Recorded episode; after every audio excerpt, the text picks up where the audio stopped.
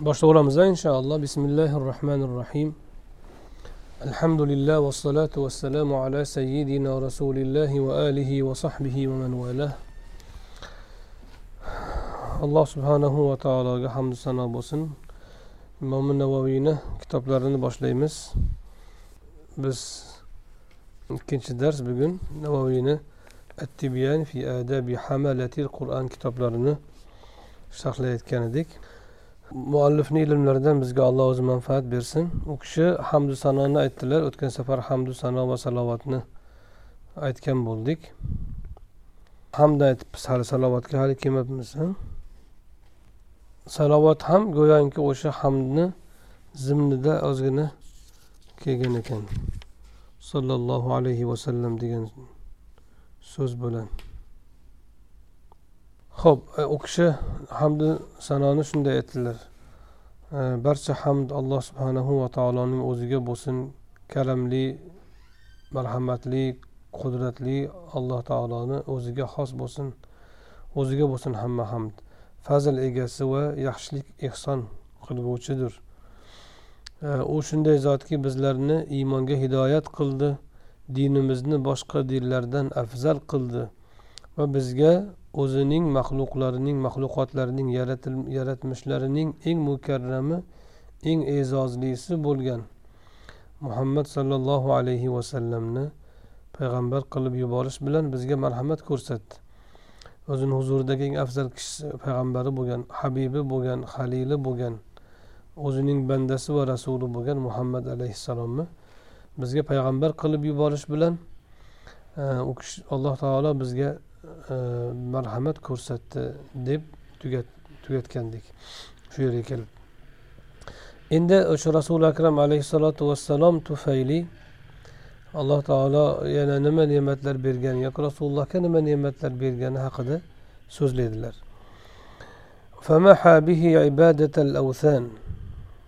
Muhammad sollallohu alayhi vasallamni bizga payg'ambar qilib yuborish bilan bizga marhamat ko'rsatdi. U kishi tufayli butlarga sig'inish butlar ibodatini mahv qildi yo'q qildi. Va u kishini muhammad sollallohu alayhi vasallam ya'ni zamonlar osha bardavom mo'jiza bo'lib qoluvchi qur'on bilan e'zozladi. Shunday mo'jizaki u bilan alloh subhanahu va taolo insonlar va jinlarni bellashuvga chaqirib ojiz qoldirdi. Va u bilan barcha toyilish va barcha toyilgan va haddan oshgan kishilarni mot qildi. U qur'onni yoki bu qur'onni qalb ko'zi ochiq kishilarni qalblarining bahori qildi. Qalb ko'zi ochiq kishilarning ma'rifatli kishilarning qalbining bahori qildi. U ko'p takrorlash bilan eskirmaydi. Vaqt o'tishi o'zgarishi bilan eskirib qolmaydi. Uni eslatma olish uchun oson qilib qo'ydi. Hattoki yosh bolalar ham uni qalbiga joylab yodlay oladigan bo'ldi. Uni saqlashni uni o'zgarishdan unda yangi bir narsa paydo bo'lishidan saqlashni o'z kafolatiga oldi. Allohga hamd bo'lsinki u qur'oni karim ya'ni allohni hamdi bilan fazli bilan u qur'oni karim tunu kun almashishi barobarida saqlanib kelmoqda dedilar. Endi shu yergacha bo'lgan so'zlarni qisqacha e, izohlaymiz endi. Qur'oni karim bilan butlarga sig'inishni yo'q qildi qur'oni karim kelishidan oldin kishilar butlarga sig'inardi toshga sig'inishardi xurmodan o'zlari yasab olib ham ilohlarga sig'inishaverardi hozir mana hindistonda ko'ramiz har narsadan o'ziga iloh yasaydiganlar boru u shunaqa bo'lgan arablar ham o'shalarni shu ibodatlardan qutqardi olloh toshlarga yog'ochlarga yoki insonlarga sig'inadiganlar bor. Insonlarga sig'inish hozir juda keng tarqalgan. Allohdan boshqaga sig'inishdan alloh taolo kishilarni qutqardi qur'on bilan. Endi ibodat degani nima degani desa ibodat degani asli taslim bo'lish bo'ysunish ma'nosini bildiradi. Shu qadarki e'tiroz bildirmaydigan suratda. Lekin e, e ko'pincha ibodatda ibodatning ifodasi bo'lgan amallar tushuniladi. Masalan butga sajda qilish masalan. Yoki insonga egilib sajda qilish misol uchun. Yoki qabrga sajda qilish. Bu bular ibodatni ibodat amallari deyiladi. Ayni ibodat nima? Ayni ibodat o'zi bo'ysunish taslim bo'lish yaxshi ko'rib taslim bo'lishni bildiradi. Shu qadarki e'tiroz bildirmaydigan tarzda qarshi chiqmaydigan tarzda taslim bo'lishni aslida ardu muabbadatun degan so'zdan olingan ya'ni muabbadatun degani abddan olingan ya'ni yurishga moslab qo'yilgan yo'l degan. Yo'l agar siz yo'lda ketayotgan bo'lsangiz yoki bir yerda turgan bo'lsangiz yoki bir yerda yurib ketayotgan bo'lsangiz oyog'ingiz qoqilmaydigan yurishingizga xalaqit bermaydigan darajada sizni yurishingizga moslangan to'la sizga manfaatingizga yurishingiz manfaatiga xoslab qo'yilgan yo'lni yoki yerni yo'lni aytishadi tariqun muabbada. Ardu emas tariqun deyishadi. Tariqun muabbada ya'ni yurishga to'la moslab qo'yilgan yo'l. Yurayotgan odamni oyog'iga xalaqit qilmaydi uni yurishiga ters biror narsa unda paydo bo'lmaydi yo'lda. Shu yo'lni muabbada deyiladi ana shu ma'noni bildiradi. Ya'ni banda qachon banda bo'ladi desa qachon o'sha abdlik bandalik qullik hosil bo'ladi desa muhabbat bilan yaxshi ko'rish bilan taslim bo'lish e'tiroz tug'ilmagan suratda qarshiliksiz taslim bo'lishni aytiladi. Asli o'zagi shu. Shu ma'nodan kelib chiqib alloh subhanahu va taologa ana shunday bo'ysunishni ibodat deyilgan. Endi alloh taologa qaratilgan shu ibodatni qaratilishi lozim bo'lgan shu ibodatni ollohdan boshqaga qaratish shirk bo'ladi. O'sha ibodatning ifodalaridan biri sajda ruku duo va qurbonlik va shu kabi amallar bo'ladi. Bular ibodat amallaridir. Bu amallarni qilish ibodat deyiladi. Endi kishilarda butlarga qurbonlik atash olib borib qabri tepasida qo'y so'yish. Yoyinki shunaqa butlarni sanamlarni oyog'i ostiga bolasini qurbon qilish yoki qo'y olib borib tovuq olib borib so'yish. Kabi narsalar bo'lgan. Bular hammasi unga nimadir fido qilish nimadir unga e, taqdim qilish ruhida qilingan. Bular hammasi shirk bo'ladi. Mana shulardan alloh taolo qutqargan. Nima bilan qutqardi? Qur'on bilan. Qur'oni karim tavhidga chaqirdi birinchi oyatidan boshlab iqro bismi robbikallazi xalaq yaratgan robbingni ismi bilan o'qi deb boshladi. Ya'ni har kimni rob tutavermagin har kimni parvardigor tutavermagin har kimni xudo tutavermagin yaratgan robbingni nomi bilan boshlagin o'qishni. Yaratgan robbingni nomini tilga olib shu bilan harakatlangin degan xitob bilan boshlanishi shu tavhidni birinchi qadami bo'ldi. Qur'oni karimni oxirgi oyatigacha oxirgi nozil bo'lgan oyatigacha hamma oyati ana shu alloh subhanahu va taoloning tavhidiga xizmat qiluvchi tavhidiga chaqiruvchi oyatlardan iborat. Shuning uchun bu kishi bu yerda bu gapni aytishlari bilan rasululloh sollallohu alayhi vasallam keltirgan mo'jiza shunday mo'jizaki shirkni bartaraf qildi. Bu boshqa payg'ambarlarni mo'jizalaridan bu kishining mo'jizasi ya'ni qur'oni karim ulug' ekaniga dalolat. Qur'oni karim kishilarni unga o'xshagan biror kitob yoki birorta sura keltirishdan ojiz qoldirishi bilan mo'jizaligi izhor bo'lgan bo'lsa ikkinchidan bu qur'oni karim kishilarni masalan e, deylik moddiy suratda ularda bir o'zgarish yasash bilan emas balki ma'naviy olamida o'zgarish yasash bilan mo'jizaligi ziyoda bo'lgan. Masalan muso alayhissalom sehrgarlarni e, arqonlari iplari ilonlariga o'zlarini hassalarini tashlasalar yuborgan mo'jiza. Juda katta mo'jiza. Ammo o'sha vaqtda o'sha bilan to'xtagan mana hozir qancha sehrgar bor ularga u kishini asosi ishlamaydi. Muso alayhissalom o'tishi bilan asoning mo'jizaligi to'xtagan. Iso alayhissalom o'liklarni tiriltirganlar. Lekin u kishi vafot etdilar. Mana hozir u kishini vafotlaridan keyin u mo'jizalari to'xtagan. U vafotlari emas osmonga ko'tarilishlari bilan e, mo'jizalari to'xtagan. Boshqa payg'ambarlar ham samud qavmiga kelgan solih alayhissalom mo'jizalari tuyani toshdan tuya chiqarganlar. Lekin u kishi vafotlari bilan bu mo'jiza to'xtagan. Va boshqa payg'ambarlarni mo'jizalari ularni hayotlariga mavjudliklariga bog'liq bo'lgan. Ammo muhammad alayhissalotu vassalomni mo'jizalari qiyomatgacha davom etadigan mo'jiza bo'ldi. Bir jihatdan ma'naviy g'ayrioddiy o'zgarish qilish bilan ikkinchi jihatdan bardavomligi bilan afzaldir shuning uchun bu ne'matga hamd aytyaptilar alohida. Va akramahu muhammad sollallohu alayhi vasallamni qur'on bilan ikrom qildi ha tepadagi famahabihidagi u bilan u kishi bilan qur'on bilan emas ekan u kishi bilan shirkni o'chirdi degan ekan qur'oni karimniki endi kelibdi muhammad sollallohu alayhi vasallam bilan butlarga sig'inishni yo'q qildi bu muhammad sollallohu alayhi vasallamning E, tavhid payg'ambari ekanlari va tavhidni kamoliga yetkazganlaridandir.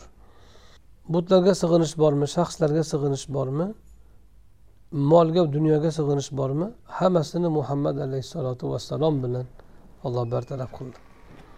Keyin qur'oni karim bilan u kishini ikrom qildi. U qanday qur'on desa u mo'jiza qanday mo'jiza? Bardavom mo'jiza. Qachongacha bardavom mo'jiza? Zamonlar osha qiyomatgacha. Shunday mo'jizaki alloh taolo insonlar va jinlarni shu qur'on kabi birorta sura yoyinki oyat keltirishga chaqirdi. Agar buni muhammad alayhissalom o'zidan chiqyapti desanglar sizlar ham shunaqa bitta qur'on keltiringlar. Yozinglar bitta kitob. Yoki bir o'nta sura keltiring yoki bir bitta sura keltiring hech yo'q. Haligacha qancha urinishlar bo'lgan bo'lsa ham qur'oni karimga o'xshagan bitta kitob yoki bir sura hech kim qila olgani yo'q keltira olgani yo'q. Holbuki arablar balog'atni ya'ni so'zning eng katta ustalari edilar.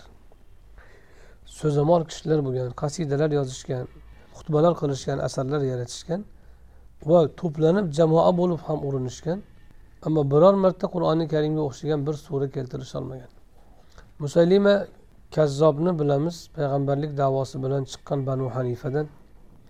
Payg'ambarimiz alayhissalotu vassalom davrlaridayoq payg'ambarlik davosini boshlagan. Yolg'onchi payg'ambar bo'lgan payg'ambarlik davosidagi yolg'onchi odam bo'lgan ya'ni shu odam qur'onga o'xshatib ba'zi so'zlarni suralarni to'qimoqchi bo'lgan va to'qib gapirgan.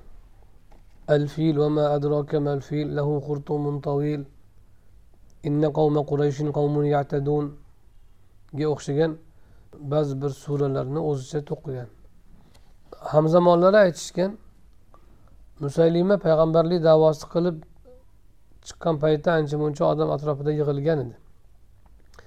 Gaplarida biroz mazmun bor edi. Qachonki qur'onga o'xshagan narsa keltiraman deb sura aytishni boshlaganda uni oldingi holatidagi salmog'i ham qolmadi yolg'onchiligi yana ham zohir bo'lib ketdi deydi. Chunki o'ta bir haligi mazmunsiz bir salmoqsiz judayam bir past saviyadagi so'zlarni aytishga o'tgan. Oddiy gapirsa undan ko'ra yaxshi gap gapirar gapirib yurgan bo'lgan. Chunki so'zga usta odam bo'lgan. Qur'onga bellashaman deb qur'onga o'xshagan surat o'qiyman deb so'z aytganda odatdagi oddiy gapiradigan gapidan ham saviyasi tushib ketgan. Odatda biz bilamizki payg'ambarimiz alayhissalotu vassalomni nutq saviyalaridan qur'onni matni baland turadi. Arab tilini yaxshi bilgan odam hadis bilan qur'onni solishtirsa rasulullohni so'zi emasligini aniq biladi. Mana bu so'zni egasi bu odam emas deydi aniq. U gap surishi so'z terishi so'z ishlatishi xitob qilishi ohangi mutlaqo boshqa. Inson unaqangi ikki xil bo'lib gapirishi mumkin emas. Muhammad alayhisalotu vassalomni so'zlari arablarni orasidagi eng balog'atli so'z. Ammo qur'oni karimni balog'at undan chandon baland. Bir biridan keskin ajraladigan darajada. Hatto bir tilshunos g'arb olimi aytganki hech qanaqa dalil kerak emas. Hech qanaqa tarixiy isbot ham kerak emas. Oddiy mana hadis bilan muhammadni so'zi bilan degan alayhisalotu vassalom qur'onni solishtirsang aniq bilasanki bu uni so'zi emas degan. Oddiy gapni o'zidan so'zni o'zidan bilishgan. Demak agar musallimaga vahiy kelayotgan bo'lsa odatdagi nutqidan ko'ra balandroq bir saviyada bir narsa chiqishi kerak edida undan. Afsuski holbuki u odatda mazmunli gapiradigan odam menga vahiy keldi deb sura aytgan paytida o'zini o'zicha. Hatto savodsiz odamlar ham kuladigan suratdagi bir past mazmunsiz so'zlarni aytishga o'tgan. Mana shu qur'oni karimdaqa sura birov keltira olmasligi qur'oni karimdaqa kitobni birov keltira olmasligiga voqea dalillardan bo'lgan. Insu jin deb aytilayotgani insonlaru jinlarni hammasi faqat insonlarni o'zi emas jinlar yordam berib ham e, odatda kohinlarga jinlar gap o'rgatadi. G'ayb xabarlarini ba'zilarini farishtalardan eshitib qolishsa o'g'irlab kelib aytishadi. O'shalarda ham kelib aytsin sizlarga jinlar hammasi to'planib kelsin. Insonlar hamma ilmini hamma mahoratini o'rtaga solsin. Bir kishi emas hammasi butun insoniyat to'plansin butun jin olami to'plansin. Alloh taolo aytadi قل لئن اجتمعت الإنس والجن على أن يأتوا بمثل هذا القرآن؟ لا يأتون بمثله. ولو كان بعضهم لبعض ظهيرا. أيتن أي محمد عليه الصلاة والسلام. أجر إنسان لرو جلر حمس برلسة ما بو قرآن الكريم يخشي جنبر نرسى كيلتر مخشبور بتوبلانسة وبربر لرجي يوردان بيرشكان تقدر دهم. Unga o'xshagan narsani keltira olishmaydi. Qur'oni karimga o'xshagan narsani na xabarlarida na ahkomlarida na balog'atida na ohang ravoligida hech kim qur'onga o'xshagan narsani keltira olmaydi. Mana shu oyati karima ham rasuli akram alayhissalotu vassalom o'qib berarkanlar o'qib berishlarini o'zi yana bitta mo'jiza. Chunki inson odatda bir narsani yozsa yo bir narsani ijod qilsa hech kim mendaqa ish qilolmaydi ikkinchi deb davo qilolmaydi. Inson qilishi mumkin emas. Chunki inson qilganini ikkinchi inson qilolmaydi bir kun kelib kimdir chiqarib o'shanga o'xshagan narsani uni sharmanda qilishi mumkin. O'shaning uchun hech kim qilolmaydi nafaqat hech kim. Insu jin jamlanib ham qilolmaydi degan davoni hech kim qilish mumkin emas. Illo olloh qilolmaydi buni. Muhammad alayhissalotu vassalomga tushgan bu oyat va u kishining tilovatlari u kishining haqiqiy payg'ambarliklarini bildiradi. Ana shu oyatga ishora qilyaptiki alloh alloh taolo bu qur'oni karim bilan bu mo'jiza bilan insu jinni shu kitobga o'xshagan kitob keltirishga bellashuvga chaqirib ojiz qoldirdi.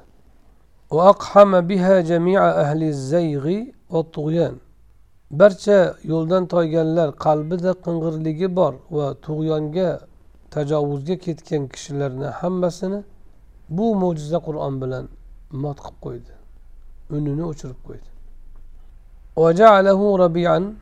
qur'oni karimni qalb ko'zi ochiq kishilar va ma'rifatli kishilar uni qalbiga bahor qilib qo'ydi ya'ni kishilarning ma'rifatli kishilarning qalb ko'zi ochiq insonlarning ko'nglining bahori qildi bahori deyishdan murod odatda inson bahorda yashnaydi butun e, yer yuzi yashnaydi bahorda o'tlar yashnaydi olam yashnaydi. Qalbimni yashnatadigan qalbimga surur baxsh etadigan qalbimni yoshartiradigan qalbimga hayot baxsh etadigan narsa qilib qo'ygin qur'onni degani bo'ladi. Qalbimni qur'onni bahor qilgin degan ma'nosi. Ma'rifat ahlining e, qalb ko'zi ochiq kishilarning qalbiga qur'oni karimni ularning qalbining bahori qilib qo'ydi degan qalblariga hayot baxsh huzurbaxsh bir ne'mat qilib qo'ydi. Ko'ngillarini yashnatadigan e, gullatadigan bir ne'mat qilib qo'ydi qur'oni karimni. Bu yerda qalbni yashnatuvchi deyaptilar. Demak qur'oni karim qalbga qaratilishi kerak. Qur'oni karim qalbga qaratilishi kerak. Chunki muhammad alayhissalotu vassalomni qalblariga nozil qilingan. Nazala bihi ruhul amin ala qalbik. Qur'oni karimni jabroil olib tushdi sizni qalbingizga deydi. Qulog'ingizga emas. Qalbingizga. Demak qur'oni karim qalb bilan o'qilishi kerak qalb bilan tinglanishi kerak qalb bilan fikr qilinishi kerak. Shunda u o'zini o'rnini topgan bo'ladi. Shunda u haqiqiy ma'noda tushuniladi. Shunda undan samara hosil bo'ladi. Demak qur'onni yodlar ekanmiz muhabbat bilan ixlos bilan qalbimizdan o'tkazib yodlashimiz kerak. Xususan qur'oni karimda ismi jaloli ko'p keladi olloh ismi. Masalan nasrullohi hmm? undan keyin yana keladi qul huvallohu ahad allohu somad eng ko'p kelgan so'z alloh ismi. O'sha ismni aytayotgan paytda ham qalbimizni ollohdan ogoh qilib aytishimiz kerak. Qur'oni karimni ma'nolarini qalbimizga yuzlantirib fikr qilishimiz kerak. Qalbimizni yuzlantirib fikr qilishimiz kerak. Shunda qur'oni karim haqiqiy samara beradi. Ammo tilni o'zida aylanishi yodlanishi bu birinchi bosqich. E, bu e, kerak emas deyilmaydi. Albatta bu zarur yodlash. Lafzni o'zini yodlash tushunmasa ham yodlash zarur. Chunki birinchi shu ish qilinadi. Undan keyin uni ma'nosiga o'tiladi undan keyin uni chuqur fahmlashga tadabbur qilishga o'tiladi. Undan keyin uni amaliga tadbiq qilishga o'tiladi. Ana shunda qur'oni karim haqiqiy qalbni bahori bo'lgan bo'ladi. Lekin qur'oni karimni shunchaki lafzini yodlash ham qalbni bahori chunki qalbni tozalaydi. Kishi iymon bilan muhabbat bilan qur'onni o'qisa qalbini qur'oni karimni o'zi davolaydi o'sha inson. Kirlarini yuvadi axloqini sayqallaydi allohga yaqin qiladi. Qalbning bahori bo'lgani shu. Shuning uchun qur'oni karimni o'qirkanmiz qori bo'larkanmiz yoyinki ilm olarkanmiz dunyoda menga buni evaziga nima bo'ladi degan savolni qo'yish qur'onni haqqiga to'g'ri kelmaydi. Men qori bo'lsam katta boy bo'lamanmi men qur'onni yodlab masalan hatmiga o'tsam mashhur odam bo'lamanmi? Yoki qur'oni karimni tafsir qilib tarjima qilsam ko'pgina odam menga ergashib meni karyeram katta bo'ladimi? degan o'ylarni qilgan odam qur'onni tushunmagan odam qur'onni qur'oni karimni suiiste'mol qilgan odam bo'ladi. U qur'onni haqqini zoya qilgan odam. U odamga qur'on qarshisiga hujjat bo'ladi foydasiga emas. Ammo kimiki qur'onni o'qir ekan qalbim shundan poklansin iymonim shundan mustahkamlansin. Shu bilan qalbim allohga yaqin bo'lsin qalbimda ilm hosil bo'lsin ma'rifat hosil bo'lsin insoniy kamolatni hosil qilayin degan o'y bilan o'qisa allohga yaqin bo'layin deb. Ana shu kishi qur'oni karimni to'g'ri tushungan haqqini ado qilgan odam bo'ladi. Demak qur'oni karim qalblarga qaratiladi. Qalbning bahoridir. Bahoridir degani aytganimizdek yashnatuvchidir demak qur'onni o'qib siqilib qolayotgan bo'lsak demak u bizni qalbimizga kirmayotgan bo'ladi. Qur'on o'qib siqilayotgan bo'lsa kimki demak uni qalbi nopok yoyinki qalbiga qaratilmagan uni qiroat. Aslida qalbiga qaratilgan bo'lganda qalbi yayrash kerak edi. Hazrati usmon roziyallohu anhu aytganlarki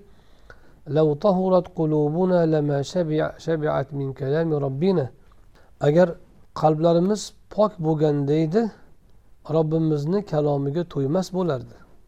O'qib to'ymasdik qur'oni karimni. Demak to'yib qolyapmizmi zerikib qolyapmizmi bezillab qolyapmizmi? Demak qalbimizda kirlik bor. Qalbimizda torlik bor. Yoyinki tilovatimiz qalbimizga qaratilmagan. Shundan bo'ladi. Shuning uchun bu kishi hammani qalbiga bahor bo'ldi deganlari yo'q balki qalb ko'zi ochiq kishilarni qalbiga bahor. Ma'rifatli kishilarning qalbiga bahor qur'on. Kofirlarni qalbi siqiladi undan munofiqlarni qalbi ezilib ketadi siqilib ketadi. Fosiqlarni qalbi bezillashi mumkin. Hammani qalbiga bahor emas balki qalb ko'zi ochiq ko'ngli ko'zi ochiq kishilarni qalbiga bahor shuning uchun rasuli akram alayhissalotu vassalom g'am tashvish kelganda o'qilishi ta'lim o'qilishini ta'lim bergan duolarida g'am duosi deyiladi tashvish duosida uzun e, vasila so'zlarini aytib turib oxirida أن تجعل القرآن العظيم ربيع قلبي qur'oni karimni qalbimni bahori qilishingni so'rayman degandir. Qarang g'amni g'amimni arit deb to'g'ridan to'g'ri so'ramayaptilar. Qur'onni qalbimni yashnatuvchi bahor qilib qo'ygan ya'ni qur'on bilan qalbim shunday yashnasinki g'amlarim arib ketsin yo'qib ketsin degan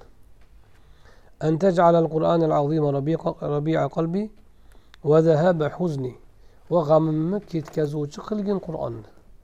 Shunchaki g'amimni ketkazgin desalar ham bo'ladi. Shunchaki qalbimdan tashvishni ketkaz desalar ham bo'ladi mumkin u narsa ham.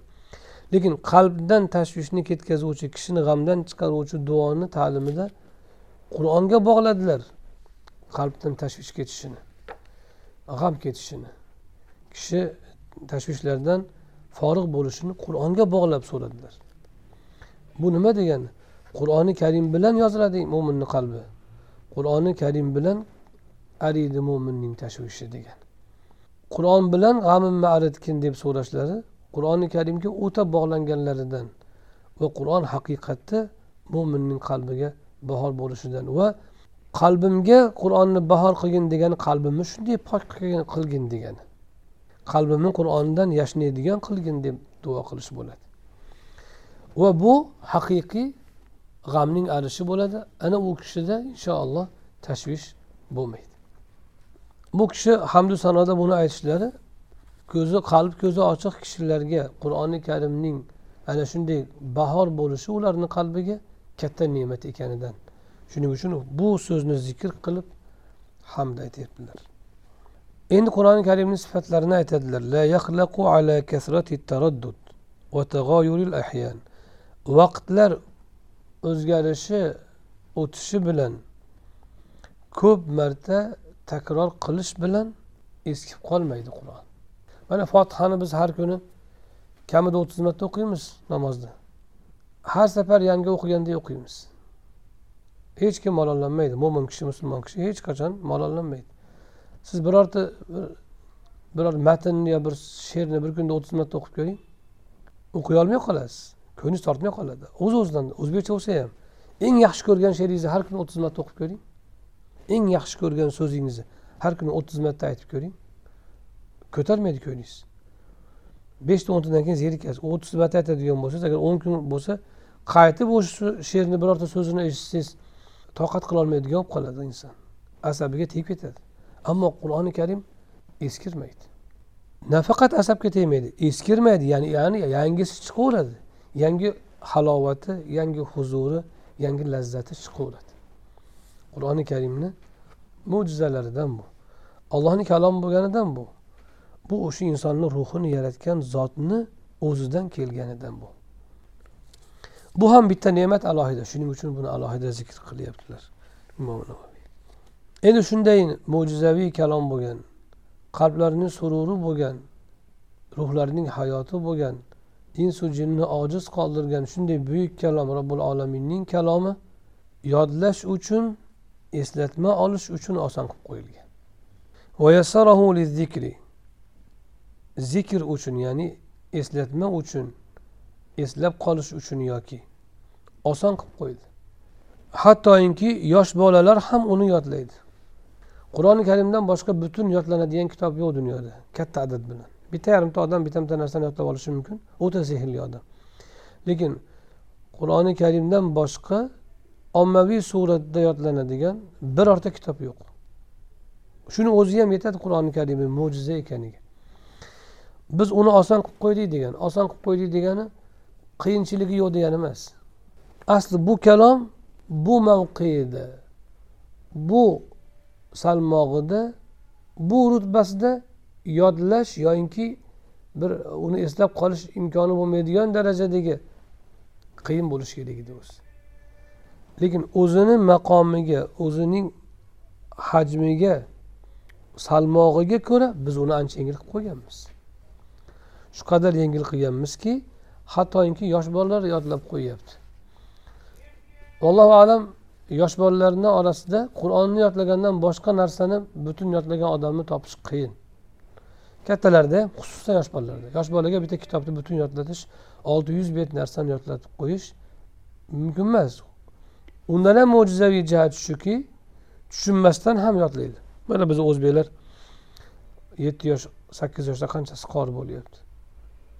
Undan kattasi ham tushunmaydi. Birorta kalimasini tushunmaydi alhamdulillahi minal jinnati va nasgacha o'qiydi olti yuz bet. Sharillatib o'qiydi. Lekin birorta kalimasini tushunmaydi.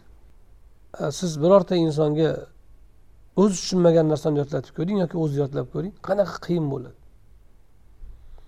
Illo faqat qur'oni karimgina tushunmasdan ham oson yodlanadi. Hatto yosh bolalarga ham oson qilib qo'yilgan. Zikrdan murod faqat yodlash emas yodlash ham eslatma olish ham. Asosan eslatma olish ma'nosida keladi o'zi qur'oni karimda. Yodlashni ham o'z ichiga olishi mumkin. Bu oson qilib qo'ygani yana bitta ne'mat. Shunga buni ham zikr qilib hamni ostida aytyaptilar. Qur'oni karimdan boshqa masalan injilni yodlaganlarni bir namuna qilib olib chiqishganini ko'rganman. Ikkita bola injilni yodlabdi. U ham to'rtta injildan bittasi to'ralasi emas bittasini yodlabdi ikkita bola yodlagan. Falon oyat desa falon oyat bir oyatda aytsa falon falon sura falon bob falon oyat deb aytishyapti. Odamlar qarsak olib qoyil qolyapti. U musulmonlarda unaqa hofiz u katta katta bolalar yigirmaga kirgan bolalar. Musulmonlarda unaqa hofiz adadi sanag'i yo'q. Undan tashqari qur'oni karimni bir necha qiroatda o'qish bor. Mashhuri o'nta qiroat masalan. Bitta kalimani tepasida bitta oyat masalan besh xil o'qilishi mumkin. Ellik xil o'qilishi ham mumkin ba'zi oyatlar. Shunaqangi qiroatlarni o'rtasida farqi katta. Bitta mad bilan o'zgaradi bitta bitta g'unna bilan o'zgaradi. Yoinki birorta kalimani zerzavar bilan o'zgaradi. Qiroatlar bir biriga ma'nosini to'ldirib keladi. Masalan maliki yomiddin maliki yomiddin degandaqa ba'zi oyatlarda uzun oyatlarda agar qaraydigan bo'lsangiz butun oyatni agar o'nta qiroatda o'qiyman desangiz ellik marta o'qishga ehtiyoj bo'lishi mumkin ba'zi oyatlar. Shu darajadagi farqi bilan qo'shib yodlaydi yana bizni hofizlar shu yosh bolalar qur'onni nafaqat olti yuz betni o'zini yodlaydi. uni o'nta qiroati bilan qo'shib ham yodlaganlar seroq masalan misrda o'nta qiroatni egallagan qorilarni ham adadiga yetib bo'lmaydi o'ta ko'p bu ham qur'oni karimni alloh taolo yodlashga oson qilgani mo'jiza qilib qo'yganidandir qur'oni karimdan boshqa birorta kitobda bu holat kuzatilmaydi وضمن حفظه من تطرق التغير إليه والحدثان والحدثان qur'oni karimni saqlab qolishni saqlab berishni alloh taolo o'z kafolatiga olgan. Unga birorta o'zgarish yetishidan yangi bir narsa unda paydo bo'lishidan uni saqlab berishni olloh o'z kafolatiga oldi. Kafolatiga olganiga yana bir hamd bo'lsin demoqchi. Shuning uchun allohga hamd bo'lsin uning unga uning hamdi bilan va fazli bilan qur'oni karim saqlanib kelmoqda. Tunu kun almasharkan tunu kun qancha almashsa ham dunyo qancha davom etsa shuncha saqlanib boradi. ar-Rashid diyonida bir ahli kitob tabib bor ekan. Ko'proq ahli kitoblardan bo'lgan tabiblar boshida chunki tibbiyot e, arablarda sodda bo'lgan. Birinchi bo'lib o'sha misrdan umar ibn abdulaziz byurolari bilan tibbiy kitoblar tarjima qilingan keyin yunondan kelgan kitoblar g'arbdan kelgan kitoblar tarjima qilingan fathlardan keyin shunda e, o'sha e, boshqa e, tillardagi tabobatlarni kitoblarini tarjima qilib shu bilan shug'ullanganlar ko'proq ahli kitoblar bo'lgan boshida. Keyin musulmonlarga ko'chib o'tgan. O'shanda ahli kitoblardan bittasi horunor rashid diyonida tabiblik qilar ekan u kishi unga sen ham musulmon bo'lgin derkan. U unamarkan ekan hech o'zimni dinimdan kechmayman derkan. U odam o'zi tavrot injilga mohirligi ham bor ekan o'zi asli. Bir kun horun rashid qarasa haligi odam musulmon surat bo'lib qolibdi kiyimi o'zgargan o'zini zunnor bo'lsa zunnorini yechgan qarasa musulmon. Musulmon holatiga kelib qolibdi musulmon hay'atiga kirib qolibdi ha nima bo'ldi debdi. Musulmon bo'ldim debdi u. Shuncha vaqt aytsam unamagandingmi sen. Qarang podshoh xalifa qo'l ostidagi bir xodimni majburlagan emas musulmon bo'lasan deb xizmatidan ham foydalanavergan birga yashayvergan birga ovqatlanavergan bu islomni haligi e, yovuz bir kuch qilib ko'rsatuvchi o'zidan boshqa hamma narsani dunyodan supurib oladigan dunyoda bitta ham kofir qo'ymaguncha hammani qirib tashlaydigan qilib ko'rsatadigan odamlar bular islomga tuhmat qilayotgan da'vogarlardir ular. Ular soxta axborotchilar. Yolg'ondan axborot o'qiydigan odamlar ular. Islom unday emas islom chaqiradi xolos. Kim qabul qilsa qilsin qilmasa o'zi biladi. Kofirni musulmon qilaman deb urinmaydi hech qachon musulmon kishi. Da'vat qiladi chaqiradi tushuntiradi qabul qilsa qildi qilmasa o'zi biladi. Alloh taoloni o'ziga qoladi u uni ishi horun rashid xalifa qo'l ostida ishlayotgan bir tabib. Musulmon bo'lmasang haydayman desa ham bo'laveradi ishdan. U jon deb musulmon bo'ladi o'shanda. Chunki podshoni yonida xizmat qilish oson ishmi? Bo'lmam o'sha vaqtda dunyoni yarmini so'rab turgan odam bo'lgan. Lekin majburlamar ekan chaqirar ekan yaxshi bo'ladi o'zingga derkan u unamar ekan yo'q derkan o'zimni dinimdan kechinman. Lekin bir qarasalar haligi aytganimizdek musulmon bo'lib qolibdi qayerdan bo'ldi bu narsa? Shuncha aytsam unamaganding san. Sen aytgandan keyin man o'ylab ko'rdim debdi u. O'ylab ko'rib sinamoqchi sinab ko'rdim haqiqatda bu din haqmi yo'qmi? Sinashni bir yo'lini topdim. Tavrotni ko'chirdim. Yangi bir kitobga ko'chirdim. Keyin tavrot ahliga ahborlarga uni olib bordim. Mana tavrotni yozdim man o'z qo'lim bilan hadya qildim ularga tortiq qilib. Ko'zlariga surtib xursand bo'lib olib qolishdi. Man tavrotni o'zgartirib yozdim. Ba'zi oyatlarini tushirib ba'zi narsa qo'shib bir yerini o'zgartirib xohlagan ko'yimga solib yozdim. Ochib o'qidida qarab varaqlab ko'rib turib olib qoldi ko'ziga surtib. U menga tashakkurlar aytib qoldi. Keyin injilni yozdim rohiblarga olib bordim. Uni ham u yoq bu yog'ini o'zgartirib yozib olib bordim. U ham ochib injilni ko'ziga surtib xursand bo'lib qarshi oldi menga tashakkurlar bilan qoldi. Keyin qur'oni karimni yozdim ko'chirdim yangi kitobga. Nusxa ko'chirdim. Uni ham ba'zi joylarini o'zgartirdim. Keyin musulmonlardan oddiy bittasiga ko'rsatdim shu. Katta olimlarga emas oddiy bir musulmonga. Shuni ochib ko'rdiyu xatosiga ko'zi tushdida bu xato yozgansan buni dedi. Buzibsan qur'onni deb mani keyin koyib ketib qoldi. O'chirib haligi xatoni. Yana varaqlab yana bir joyda xato topsa uni ham o'chirib qattiq rad berdi menga. Shunda bildimki alloh taolo qiyomatgacha qoladigan kitobni nozil qilish kerak edi. O'sha tavrotmi injilmi yo qur'onmi yo boshqami deb o'ylasam qur'on ekan. Agar olloh kafolatiga olmaganida bu kitobni saqlanishini bir oddiy musulmon rohib qilolmagan radiyani qilib turmasdi menga. Demak oxirgi din mana shu bo'lishi kerak. Oxirgi ta'limot shu bo'lishi kerak oxirgi kitob shu bo'lishi kerak. Agar bu ham saqlanmaganda edi yangisini kutsak bo'lardi. Ammo buni bir yuz ellik yil bo'libdi mana. Saqlayapti ekan bir asr bir yarim asr o'tib va oddiy musulmon ham uni birorta kalimasini o'zgartirish o'zgarishiga yo'l qo'ymayaptimi? Shu darajada mustahkam saqlanyaptimi demak bu qalblarda saqlanyapti. Kitobda emas. Qalblarda saqlanyapti. Shuning uchun buni o'zgartirib bo'lmaydi. Biz qo'limiz varaqqa yetishi mumkin. Qo'limiz qalamga yetishi mumkin ammo qalblarga yetib borolmaydi modom qalblarda saqlanyapti ekan demak allohni kalomi shu. Va oxirgi kalom ham shu o'zgarmasligi ham o'zgarmas kalom ham shu. Shundan man amin bo'ldimki haqiqatda qur'on oxirgi kalomu olib kelgan kishi muhammad alayhissalotu vassalom haqiqiy payg'ambar va so'nggi payg'ambar ekanini shundan men aniq bildim.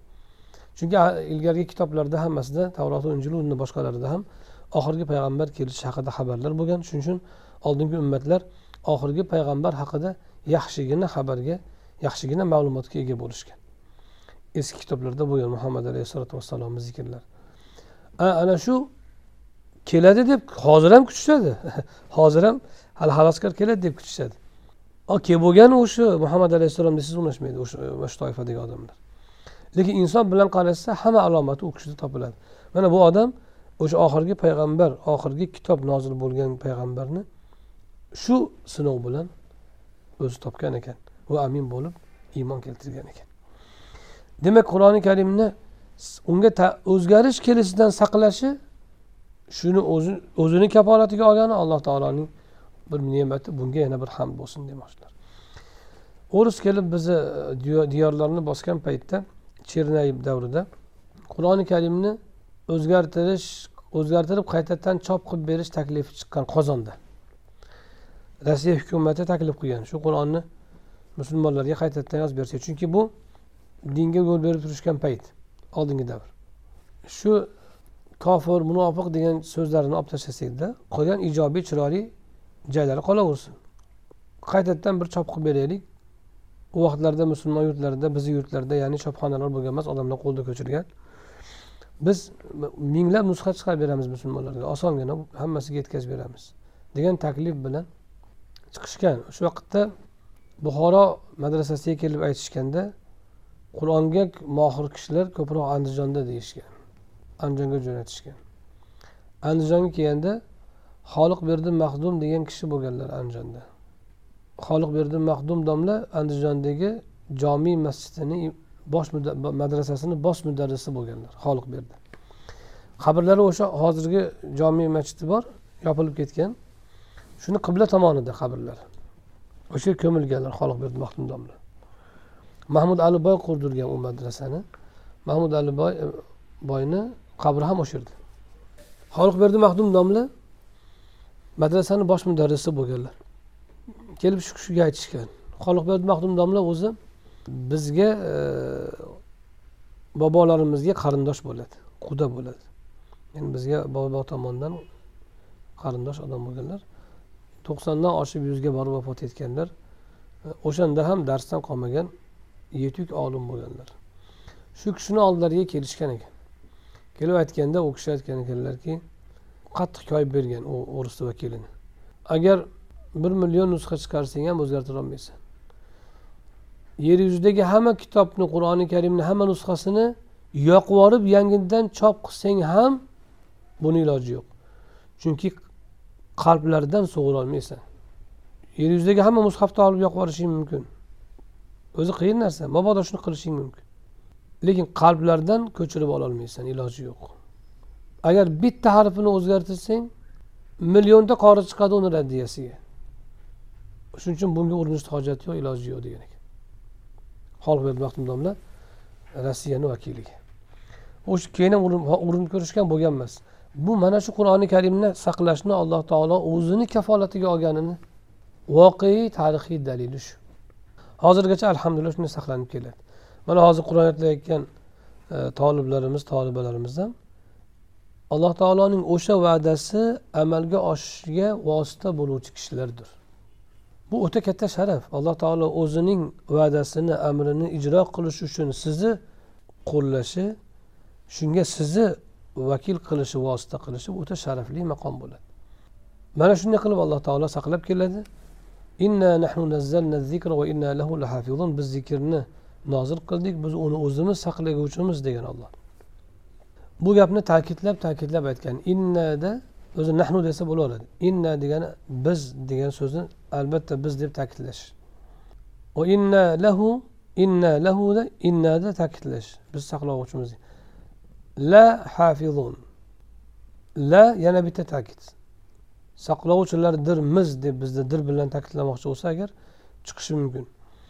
Nahfaz biz saqlaymiz desa ham va'da bo'lardi ammo saqlovchimiz degan yana bitta ta'kid. Ism bilan ifodalash. Chunki ism bilan ifodalash arab tilini qoidasi bo'yicha. Men sizni masalan hurmat qilaman degan so'zingiz dan ko'ra hurmat qilguvchiman degan so'zingiz ta'kidli bo'ladi. Nimaga? Hurmat qilaman deysiz bir marta hurmat qilib keyin qilmay qo'yishingiz mumkin. Yoki ma'lum vaqt qilishingiz mumkin ma'lum vaqt qilmasligingiz mumkin. Yoki bardavomlikni bildiradi bir ma'noda. Ammo o'zgarmaslikni ifoda qilmaydi. Bardavomlikni bildirishi mumkin hurmat qilaman sizni. Hurmat qilasiz. Bardavom hurmat qilasiz bardavomlikni bildiradi. Ammo hargiz hurmatsiz bo'lmayman degan ma'noni chiqarmaydi. Lekin man hurmat qilguvchiman desangiz bu ma'noni ta'kidlaydi sabotni subutni bildiradi. Biz uni saqlovchimizda saqlovchidirmiz deganda ana shu ma'noni bildiradi. Ya'ni saqlashimiz uzilmaydi. Albatta saqlaguvchimiz va doim saqlaguvchimiz. Bittakid ta'kidlab aytaman saqlaguvchimiz degani bo'ladi. Lahuda lahafizuna lahu deyish kerak o'zi asli. Arab tilini grammatik tartibi bo'yicha. Lahuni oldin keltirgani shu qur'onni saqlaymiz degani ya'ni faqat shuni. Yoki zikrdan murod sunnat ham o'zi asli. Qur'on va uning sharhini sunnatni.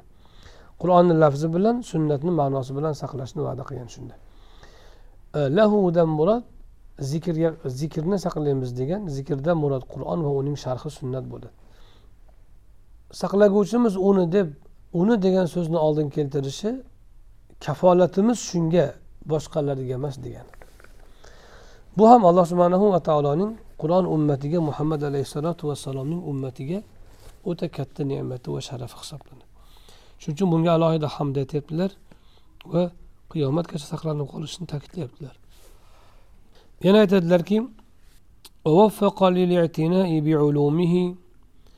من اصطفاه من أهل الحذق والإتقان uning ilmlari bilan shug'ullanishga o'tkir va puxta ilmli kishilarni itqon egalarini ya'ni o'zi tanlab olgan o'tkir va puxta ilmli kishilarni muvaffaq qildi qur'oni karimni ilmi bilan shug'ullanishga o'tkir va puxta olimlardan o'zi tanlab olganlarini muvaffaq qildi. Bu yerda yana tushunamiz. Birinchidan qur'oni karimni ilmi bilan shug'ullanish tavfiqdan ekanini tushunamiz. Olloh muvaffaq qildi deyapti. Olloh muvaffaq qilmasa u o'qigan bilan bo'lavermaydi. Yodlasamlar olim bo'laman degan odam adashadi. Yodlash bir vosita o'qish bir vosita. Ilm olloh beradigan ma'rifat boshqa narsa bo'ladi. U so'zlarni orqasidan ma'lumotlarni orqasidan keladigan ma'rifat bo'ladi. Ma'lumotlarni ko'p yodlab olsam jamlab olsam imtihondan o'tsam olim bo'laman degan odam adashadi. U ilm unaqa bo'lmaydi shariatni mezonida. Ilm qalbga beriladigan bir nur bo'ladi bandani hidoyat qiladi allohga yetkazadi. U qur'oni karimni lafzlari hadis sharifni lafzlari va boshqa fiq ahkomlaridagi kitoblardagi so'zlar hukmlar bular vosita bo'ladi o'sha ma'rifatga yetishga. So'zlar ma'no tashiydi ma'nolarni ortida ma'rifat turgan bo'ladi. Unga alloh taolo o'zi tavfiq bersagina kishi bu narsaga muvaffaq bo'ladi. Demak tavfiq ollohdan shuning uchun qur'oni karimni ilmlari bilan shug'ullanishga o'zi tanlaganlarini muvaffaq qildi deganidan bilamizki tavfiq ollohdan demak biz qori o'qimoqchi bo'lsak allohdan so'rashimiz kerak yolvorib ma'nosini tushunmoqchi bo'lsak o'zidan so'rashimiz kerak. Istig'for aytib salovat aytib duo qilib so'rashimiz kerak. O'qisamlar men zo'rib ketaman degan bu fizikaga o'xshatib yoki kompyuterga o'xshatib yoki to'rt pishirish kursiga o'xshatib qaramaslik kerak. Qur'oni karim allohga yolvorish bilan unga iltijo bilan ibodat bilan hosil qilinadi uni ilmi. Uni alloh taolo o'zi xohlagan kishilarni qalbiga soladi. Demak tavfiqdan tavfiq nima? Tavfiq degani toatga qudrat yaratib berish. Alloh tavfiq bersin degani toatiga qudrat yaratib bersin degan. At tavfiq xalqul qudrati masalan namoz o'qish farzligini bildingiz. Namoz o'qishga muvaffaq bo'lgan paytingizda sizga namoz o'qishga tavfiq berilgan bo'ladi. Oldingi bilganingiz bilishingizni o'zi ilm bo'lmaydi. Qachonki namozni ado qilgan paytingizda namozga tavfiq topgan bo'ladi inson. Qodir bo'lgan paytda. Namozni farzligini bildi lekin dangasalik qildi. Demak tavfiq berilmagan muvaffaq bo'lmadi. Qodir bo'lmadi. Demak bu ilmlarni hosil qilishga ham alloh taoloni o'zidan bandada kuch quvvat imkon yaratilib berilishi kerak. Shuni tavfiq deyiladi. E, ikkinchidan uni ilmlari bilan shug'ullanish uni ilmlariga e'tibor qaratishga xohlaganini tanlab oldi o'zi tanlaganlarini. Muvaffaq qildi degandan bilamizki qur'oni karimni ilmlari bilan shug'ullanish kerak ekan. U shunchaki o'qib yuraversanglar u marraga yetib bo'lmas ekan. Shuningdek uning ilmlari bilan degandan bilamizki qur'oni karimda bir qancha ilmlar bor ekan. Qur'oni karim lafzlari alohida ilm. Tajvid alohida ilm. Alhamdu hasini halqumi o'rtasidan chiqarish alohida ilm. Hani ham sifati bo'ladi. Ya'ni sirg'alib chiqadi shamol shamol bilan unda havo yurish bilan chiqadi degan so'zlarni o'zi alohida ilm. Madlarni bilish ularni miqdorini anglash umuman tajvid ahkomlar alohida ilm. Qur'oni karimni ohang bilan o'qish alohida ilm. Qur'oni karimni qayerda boshlab oyatni qayerda to'xtatishni bilish vaqf ibtido ilmi alohida ilm. Uni ma'nolarini buzmasdan vaqf ibtido qilish ya'ni bir oyatda to'xtayotgan bo'lsangiz o'rtasida bir kalimani tepasida ma'noni buzmasdan buzmaydigan qilib to'xtash kerak. Boshlamoqchi bo'lsangiz keyin nafasni yangilab yana ma'noga muvofiq joydan boshlash kerak. Bu ham alohida ilm. Sahoba ikromlar alohida o'rganishgan arab tiliga mohir bo'lishlari bilan birga. Payg'ambarimiz alayhissalotu vassalomda. Endi qur'oni karimni lafzlarini lug'aviy ma'nolari yana alohida ilm. Abu bakr roziyallohu anhudan hazrati umar roziyallohu anhudan. Subayq kelib so'raganda vazariyat zarva nima degani deganda rasulullohdan eshitgan bo'lmaganimda bularni ma'nosini aytmasdim deganlar. Demak lug'aviy ma'noda alohida ilm. Qur'oni karim arab tili lug'ati uchun alohida katta qomus katta ilm hisoblanadi. Shuningdek arab tilini qonunlari nahu sarf grammatika hammasi qur'ondan olingan.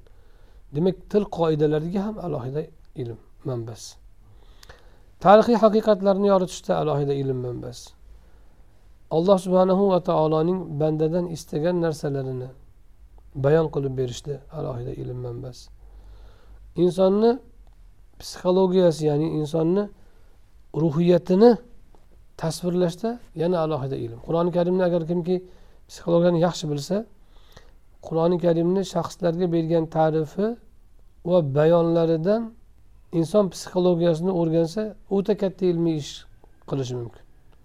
Munofiq kishilarni psixologiyasi qanaqa bo'ladi qanday fikrlaydi? Tabiati qanaqa bo'ladi munofiq sifatlarniki qanaqa bo'ladi yarim munofiqlarniki. Rostmona mushriklar allohga inkor qilganlarniki qanaqa bo'ladi aql yuritish ruhiyat. Allohni oyatini ko'rib turib bilib turib haqligini bilib turib nafsiga mag'lub bo'lganlarni dinni inkor qilish qanaqa tarzda bo'ladi? Ularni ruhiyati qanday kechadi?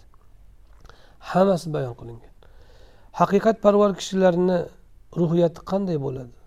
Ularni tafakkuri qanday bo'ladi? Allohni risolatini yetkazayotgan kishilarning o'zini tutishi qanday bo'ladi?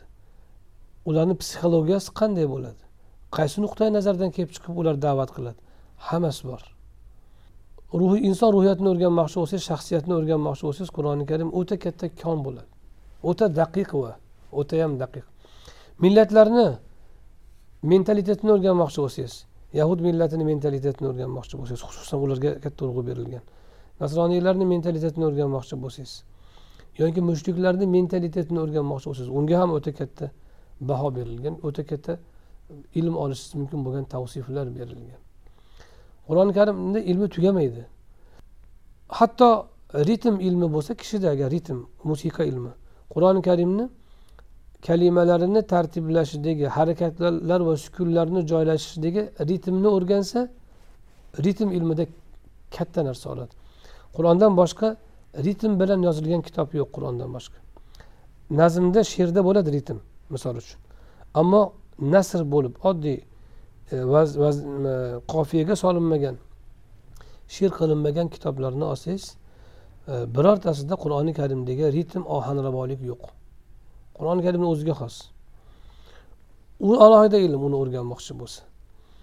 Tarixiy haqiqatlarni o'rganmoqchi bo'lsa alohida ilm yuqorida aytganimizdek. Payg'ambarlar qissalarini o'rganmoqchi bo'lsa oila ahkomlarini o'rganmoqchi bo'lsa erni haqlarini ayolni haqlarini yoyinki jinoyatlar haqida jinoyatchilarga qanday jazo bersak jinoyat to'xtaydi? Savol bor shunga.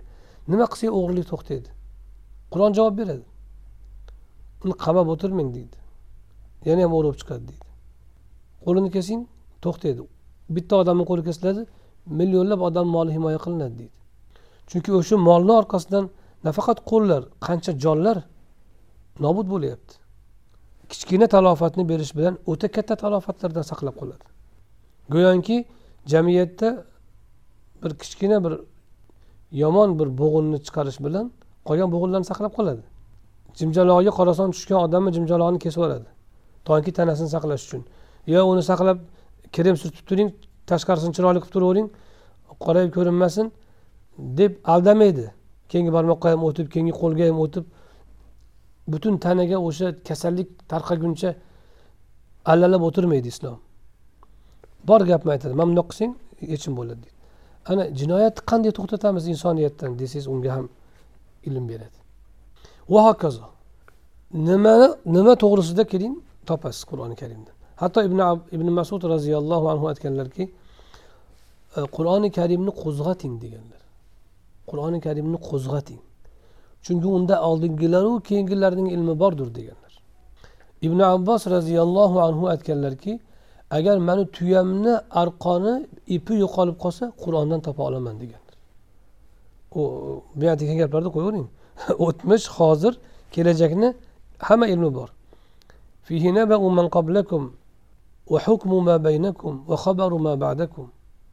Sizlar uchun qur'oni karimda o'zinglardan oldingilarni xabarlari bor.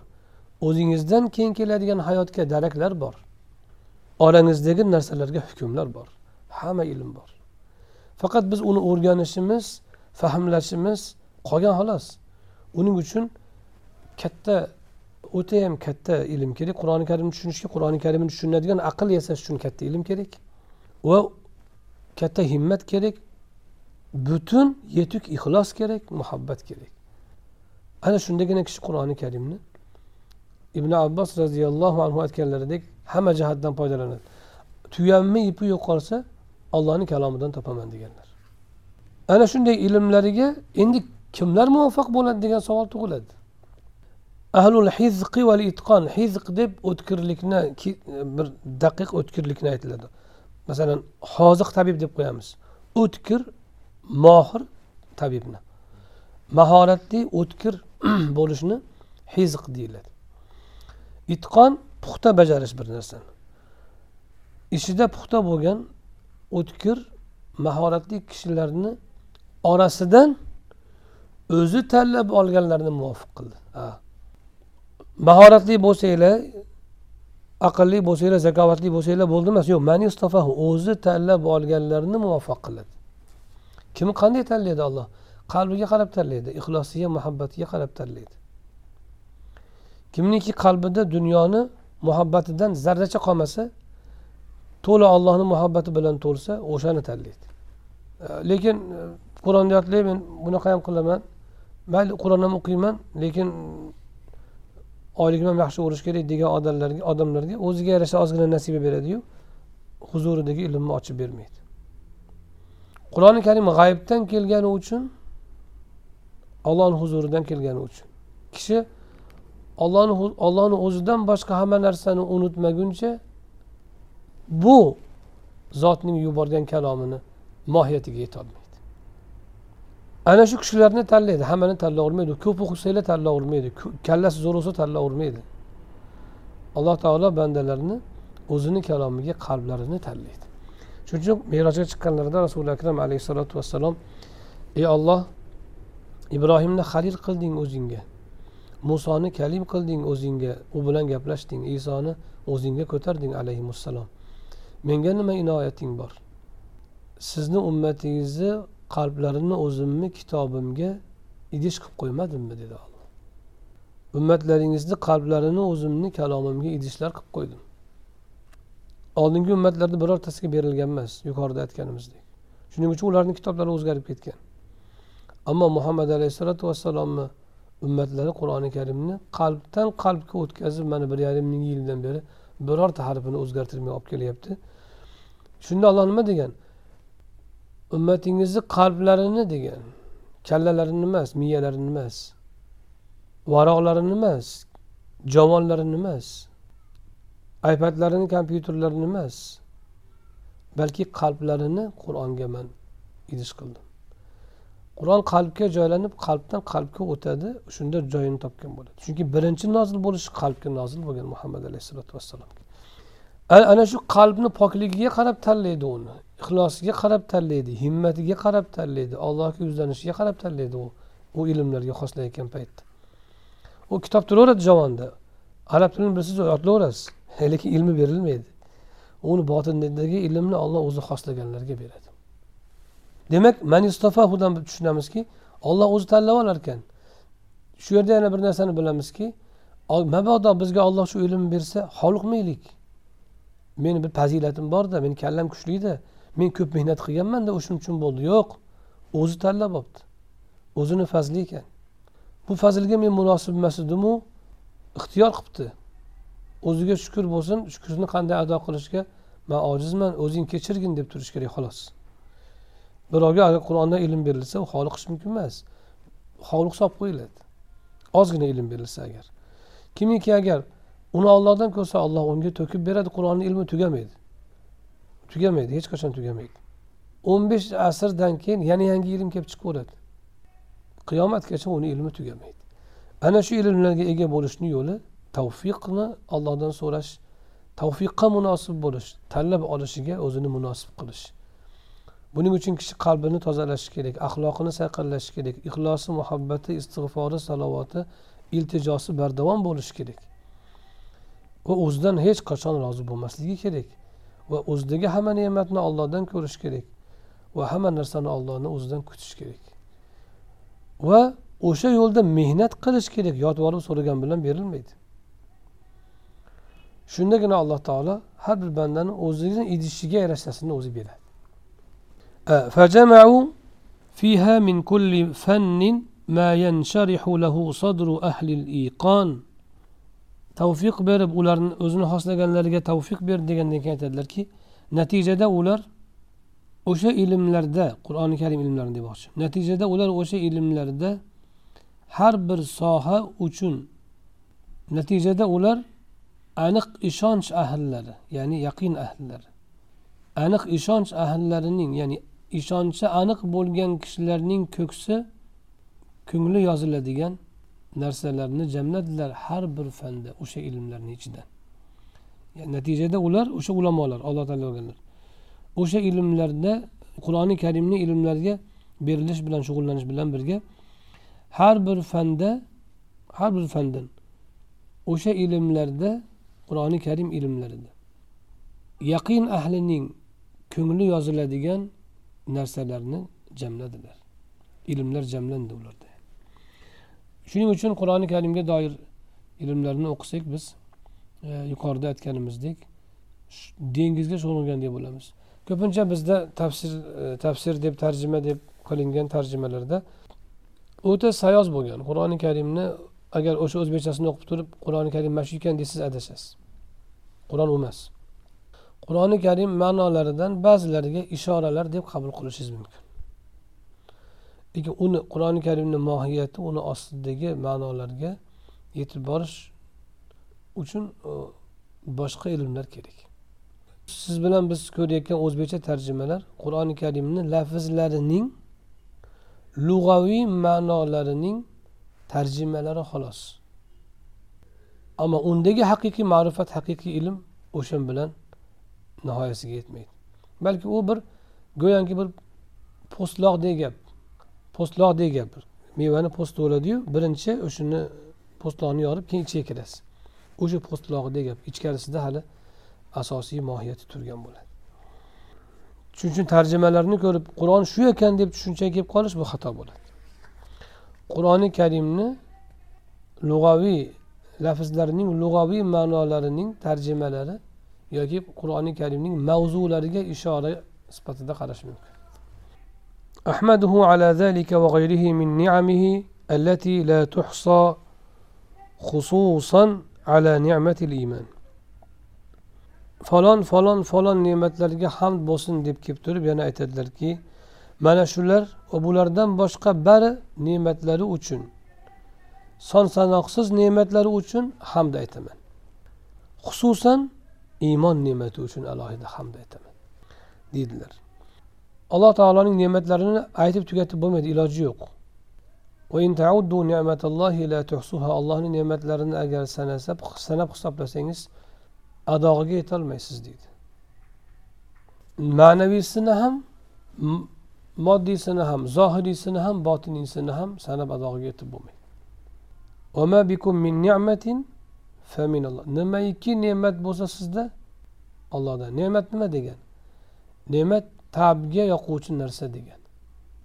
Insonni tabiatiga tabiatiga tabiatiga masalan tanaga nima ne'mat bo'ladi? Tanaga mos narsa ne'mat bo'ladi. Tanaga yoqimli va mos narsa ne'mat bo'ladi. Ko'zga nima ne'mat? Ko'zga mos va yoqimli. Qoringa nima ne'mat? Qoringa mos va yoqimli. Ruhga nima ne'mat? Ruhga mos va yoqimli. Ne'mat asli mos va yoqimli narsa degan. Kishi undan huzur oladi. Alloh taoloning bandaga bergan hamma narsasi ana shu ne'mat hisoblanadi. Ne'matlarini sanab adoga yetib bo'lmaydi shuning uchun. Xususan iymon ne'mati deganlari iymon yuqorida aytib o'tgan bo'lsak kerak balki e, tasdiq degani muhammad sollallohu alayhi vasallam olib kelgan narsalarni hammasini qalbi bilan chin qalbidan rost deb bilish.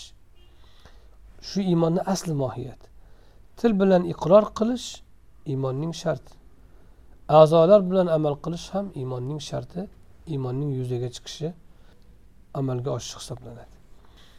E, bu kishi iymon ne'matiga deganlarida hammasini e, inobatga olayotgan bo'ladilar. Umuman mo'min musulmon qilganiga degani bu. Bizni mo'min musulmon qilib qo'yganiga alohida ne'mat bo'lsin. Nima uchun?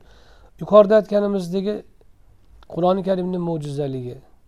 Muhammad sollallohu alayhi vasallamning oxirgi payg'ambarning payg'ambar bo'lib kelishi u kishining ta'limotidan tavhidga erishish qur'oni karimni yodlash yodlash bilan sharafli nomga sharafli maqomga erishish qur'oni karimni saqlashi allohning qur'onni saqlashida vosita bo'lish va qur'oni karimni ilmlarini o'rganib ularni tarqatishga ulardan foydalanishga ega bo'lish kabi yuqorida zikr qilgan hamma ne'matlar va undan boshqa ne'matlarning xususan shu ma'naviy ne'matlarning asosiy iymon bo'ladi. Iymon bo'lmasa bulardan birortasiga kishi biz erisha olmasdik. Na payg'ambarni mo'jizasi foyda beradi na qur'onning osonligi kishiga manfaat beradi. Hammasi bu iymon ne'matini ortidan kelgani uchun xususan iymon ne'matiga alohida hamd aytaman deydilar. وأسأله المنة علي وعلى سائر أحبابي وسائر المسلمين بالرضوان alloh subhanahu va taolodan menga va barcha seviklilarimga va barcha musulmonlarga rozilik bilan marhamat ko'rsatishini ya'ni rozi bo'lib marhamat ko'rsatishini so'rab qolaman alloh taolodan menga va barcha suyuklilarimga seviklilarimga va barcha musulmonlarga rozilik berib marhamat ko'rsatishini so'rab qolaman. Va ashhadu an la ilaha illalloh وحده la sharika lah. Guvohlik beraman ollohdan o'zga iloh yo'q deb. U yolg'iz yagonadir sherigi yo'qdir. Guvohlik berish biz boshqa kitobda ham aytganmiz lekin bu kitobda ham aytib qo'yamiz. E, guvohlik berish ikki xil bo'ladi. Guvoh guvohlik shahodat ikki xil bo'ladi. Guvoh bo'lish bor guvohlik berish bor. Siz bir voqeani ustidan chiqib qolsangiz guvoh bo'lgan bo'lasiz. O'shandan keyin xabar berib ko'rganingizni isbotlab bersangiz guvoh bo'lgan bo'lasiz. Bu yerdagi ashhadudan murod guvohlik berishdir. Guvohlik berish guvoh bo'lishdan qo'shimchasi bor. Guvoh bo'lish guvoh bo'lishdan yuqori turadi. Guvoh bo'lganingiz o'zingiz bilganingiz. Guvohlik berishingiz bilib bilganingizdan xabar berishingiz. Guvohlik guvoh nima uchun biz masalan ollohdan o'zga iloh yo'q deb bilamiz deb aytmaymiz. Guvohlik beramiz deb aytamiz. Ya'ni ko'zimiz bilan ko'rgandek shu narsani tavhidni vujudimiz bilan his qilib ustidan chiqqan odamni guvohligi bilan guvohlik beramiz xabar beramiz. Shuning uchun ashhadu so'zi ishlatiladi. Guvohlik berish shu shu qabilda bo'ladiki biz alloh subhanahu va taoloni yagona va bor u bir deb bilish emas faqat balki bilib boshqalarga isbotlashga ham tayyor turgan bo'lamiz. Shuning uchun shahodat kalimasi bilan aytamiz ashhadu an la ilaha illalloh. Ollohdan o'zga iloh yo'q deb alloh subhanahu va taolo olamlarni borliqni yaratgan qur'onni nozil qilgan muhammad alayhissalomni yuborgan zot hammamizni yo'qdan bor qilgan olloh undan boshqa iloh yo'q. Iloh yo'q degani ibodatga sazovor zot yo'q deganimiz lekin ibodatga sazovor zot yo'q deganimizni ostida nima bo'ladi yana? Ilohlik sifatlariga ega hech kim yo'q degani bo'ladi. Ya'ni sig'iniladigan zotlar bor. Odamlar butga ham sig'inyapti quyoshga ham yulduzga ham sig'inganlar bo'lgan. Iso alayhissalomga insonga sig'inayotganlar bor. O'ziga o'xshagan odamlarga rahbariga sig'inayotganlar bor. Iloh tutayotganlar bor o'zini nafsini iloh tutuvchilar bor. Nafsi nima desa qiladigan. O'zini nafsini iloh tutib o'ziga o'zi sig'inadiganlar bor. Pulli bandalar bor va hokazo. Ammo bu yerdagi ilohdan murod ilohlik sifatiga ega degani. Chunki ibodatga loyiq zot deb ham aytiladi. Ibodatga loyiqlik ilohlik sifatiga ega bo'lish bilan hosil bo'ladi. Ilohlik sifatiga loyiq ollohdan boshqa hech kim yo'q dedimi? Bu buni ma'nosi ilohlik sifatlariga ega undan boshqa hech kim yo'q degan. Shundan kelib chiqadiki alloh taologa hech bir narsa o'xshamaydi hech bir narsa allohga o'xshamaydi. Agar kimiki alloh subhanahu va taoloni biror bir sifatda maxluqqa o'xshatsa yoki maxluqni biror bir sifatda allohga o'xshatsa u la ilaha illallohni ma'nosidan chiqqan bo'ladi. Chunki ilohlik ibodatga haqlilik ilohlik sifatlari unda mujassam bo'lishi bilandir alloh ilohligi ilohlikka nima bilan? Haqdor. Sifatlari bilan haqdor. Kimiki biror sifatida unga sherik bo'lsa u ham bir nav haqdorlikka o'tgan bo'ladi. Bu shirk bo'ladi. Shuning uchun ollohni jism deyish alloh taoloni qo'li bor ko'zi bor haqiqiy ko'z deb unga a'zo isbotlash bu la ilaha illallohga zid bo'ladi. Shuning uchun ulamolar allohni jism degan kishi kofir bo'ladi deyishgan bil ittifoq. Nimaga? Ollohni boshqa narsaga o'xshatgani uchun. Jismu bizdaqa jism emas boshqa jismlardaqa jism emas desa tavil qilgani uchun ochiq kofir deb bo'lmaydi ammo bidatchi bo'ladi og'ir bidatchi bo'ladi kufrga yaqin. La ilahani ma'nosi shu. O'ylamangki la ilahani ma'nosi u qabrga sig'inmaslik butga sig'inmaslik yoyinki rahbarga itoat qilmaslik xolos emas. Yoki qonunga bo'ysunmaslik falon qonunga yevropani qonuniga bo'ysunmaslik xolos emas. Tavhid yo'q. Tavhid o'zi keng ma'no tadbig'i keng ma'no. Ammo aqida ma'nosida ollohdan o'zga iloh yo'q. Olloh hech narsaga o'xshamaydi hech narsa allohga o'xshamaydi. Hayolingizga olloh haqida nima kelgan bo'lsa ollohni tasavvur qilib olloh o'sha emas. Nima deb tasavvur qilgan bo'lsangiz olloh o'sha emas. Alloh taoloni zotini hech kim tasavvur qilolmaydi qilishi mumkin emas sig'maydi. Sifatlarini bilamiz ishlaridan taniymiz xolos. Ammo zotini hech kim tasavvur qilolmaydi mumkin emas.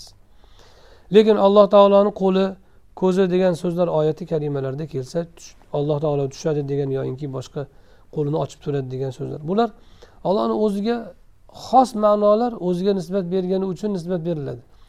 Ammo hargiz haqiqiy lug'atdagi ma'nosi olinishi mumkin emas.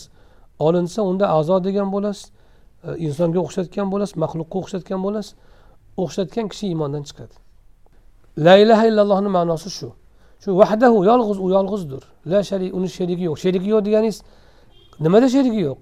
Zotida sherigi yo'q sifatlarida sherigi yo'q ishlarida sherigi yo'q. Ollohni zotiga o'xshagan zot yo'q. Sifatlariga o'xshagan biror bir maxluqda yoki mavjudotda sifat yo'q.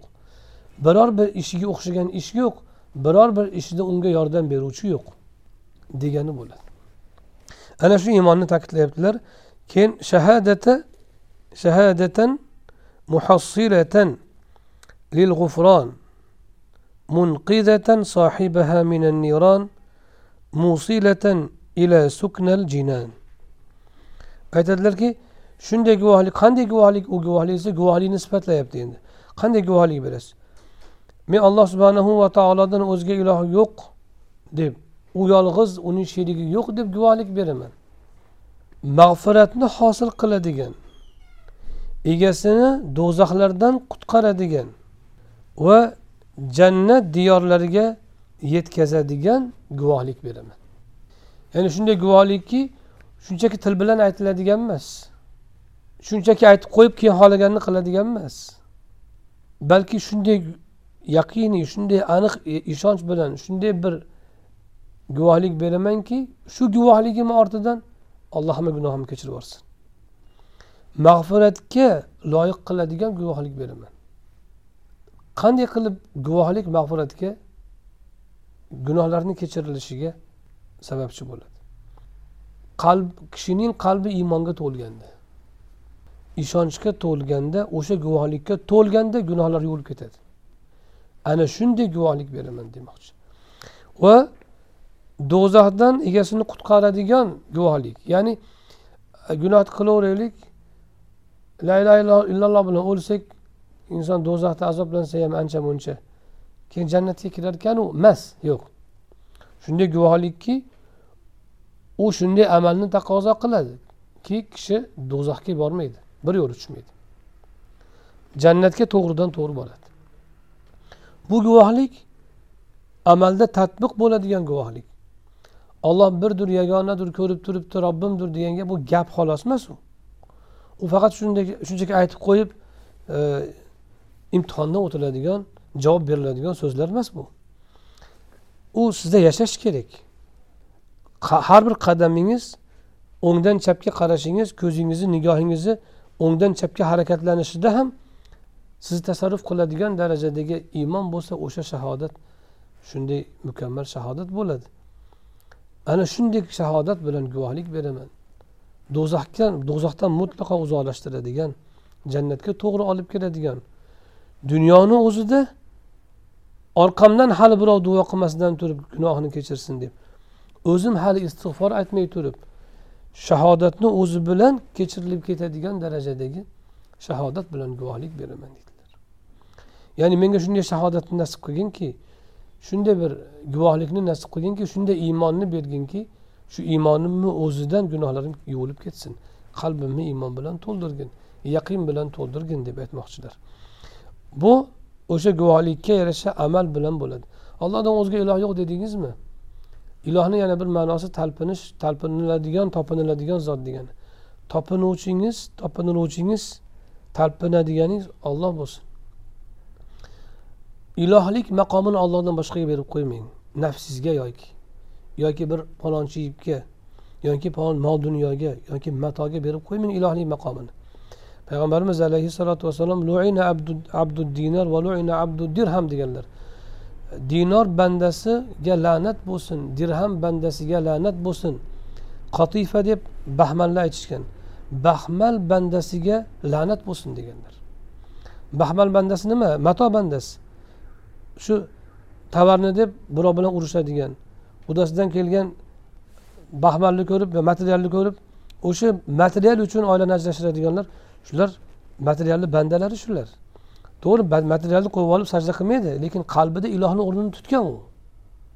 Sizni bir narsaga undovchi bir narsadan qaytaruvchi sizni ishtiyoqingizni kuchaytiruvchi va g'azabingizni tushiruvchi muhabbatingizni qo'zg'ovchi nafratingizni uyg'otuvchi narsalarni hammasi yagona olloh bo'lib qolsa shunda la ilaha illalloh yuzaga chiqqan bo'ladi.